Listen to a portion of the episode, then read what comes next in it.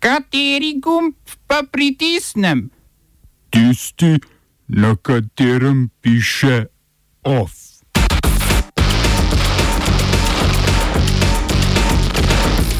Tunizijski parlament potrdil menjavo 11 ministrov. Vietnamska komunistična partija Nguyen Phu Chongu dodelila še tretji mandat.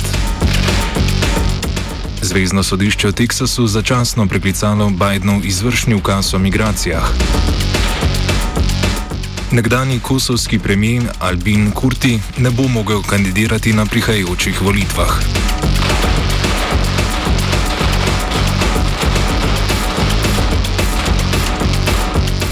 Pozdravljeni. Vodi vietnamske komunistične partije in predsedniku države Nguyen Phu Chongu so na partijskem kongresu dodelili njegov tretji mandat. Chong funkcijo partijske vodje upravlja že od leta 2011. Po pravilih partije naj bi bil že prestar za upravljanje svojih funkcij, vendar odločanje na kongresu poteka za zaprtimi vrati, odstopanje od pravil pa so pogost pojav. Na kongresu, ki poteka vsakih pet let, je govora tudi o vzdrževanju močnega ekonomskega položaja države. Ekonomsko rast krepijo proizvodni obrati multinacionalk, ki se ob višanju kitajskih carin selijo v Vietnam.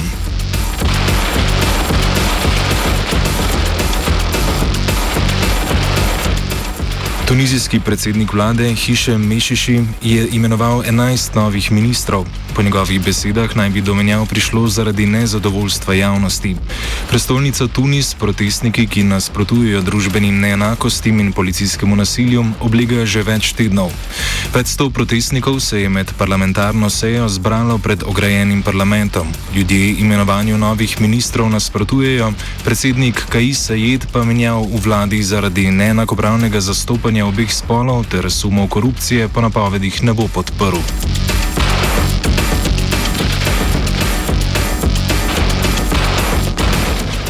Petletno podaljšanje pogodbe o nadzoru nad strateškim jedrskim orožjem Novi Start med ZDA in Rusijo je spodnji dom ruskega parlamenta soglasno podprl.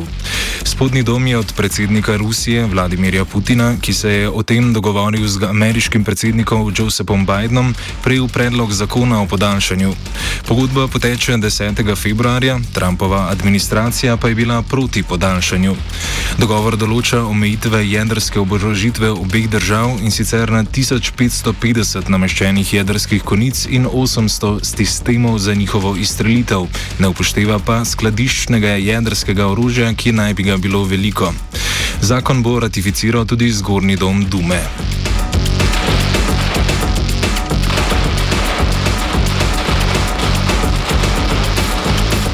Ameriški predstavniški dom je v ponedeljek v senat poslal ustavno obtožbo bivšega predsednika ZDA Donalda Trumpa. Na proceduralnem glasovanju za konec postopka brez sojenja je večina republikanskih senatorjev glasovala za prekinitev postopka. Razporeditev glasov pokaže, da so možnosti za to, da bi bivšega predsednika obsodili, izredno majhne. Za uspeh obtožnice bi moralo za obsodbo glasovati vsaj 17 republikanskih in vseh 50 demokratskih senatorjev. Sojenje se bo tako pričelo 8. februarja.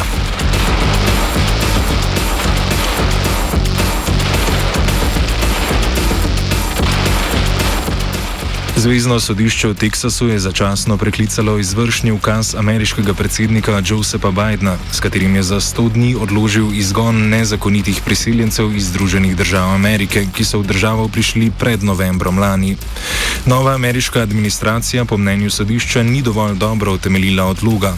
Pritožbo je vložil teksaški pravosodni minister Ken Paxton, utemeljil pa jo je s trditvijo, da se bo število migrantov zaradi uveljavitve ukaza povečalo in da se bodo stroški medicinske oskrbe in izobraževanja zvišali. Zvezdno sodišče mu ni pritrdilo, vendar se je za začasno ustavitev odločilo, da bi ohranilo kontinuiteto politike preseljevanja, ki zahteva odločitev o usodi posameznega migranta v 90 dneh.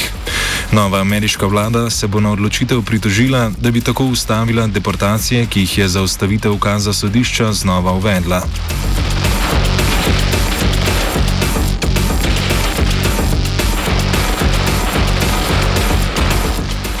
Evropsko računsko sodišče po objavi poročila o izmenjavi davčnih podatkov Cipra, Španije, Polske, Italije in Nizozemske opozarja, da članice Evropske unije letno izgubijo od 50 do 70 milijard evrov zaradi neplačenih davkov.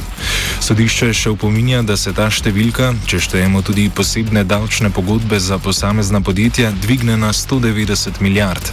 Oboje je posledica slabega sodelovanja med finančnimi uradi posameznih držav. Evropska komisija zaradi tega že napoveduje, da bo znova spremenila direktivo o finančnem sodelovanju, ki določa obseg in vrsto podatkov, ki si jih sodelujoče državne finančne institucije izmenjajo za lažje uveljavljanje davčne politike.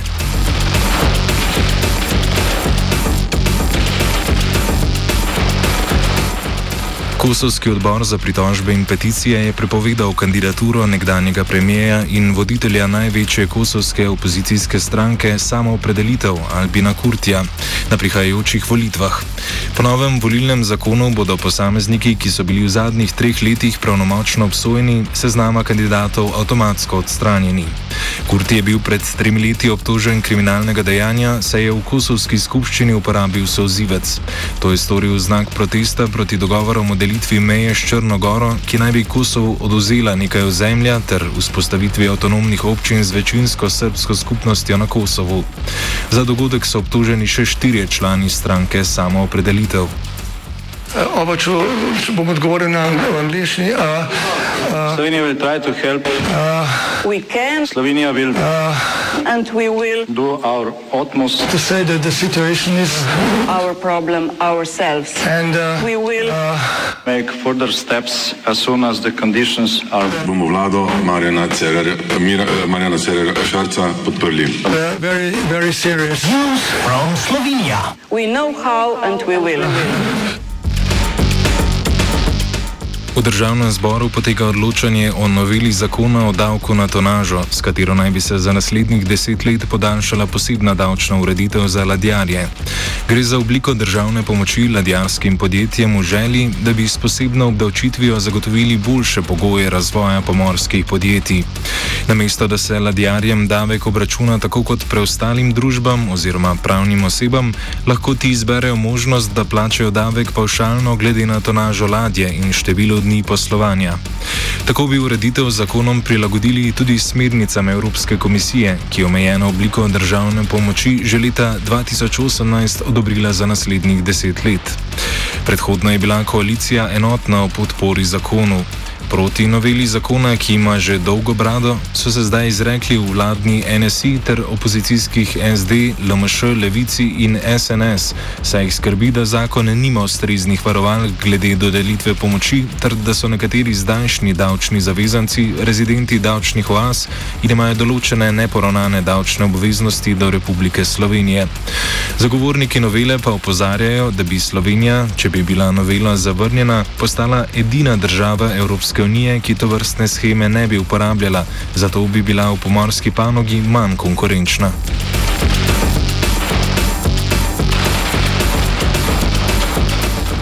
Ov so spisali Urša, Marija in Dominik pod Ajdinim vodstvom.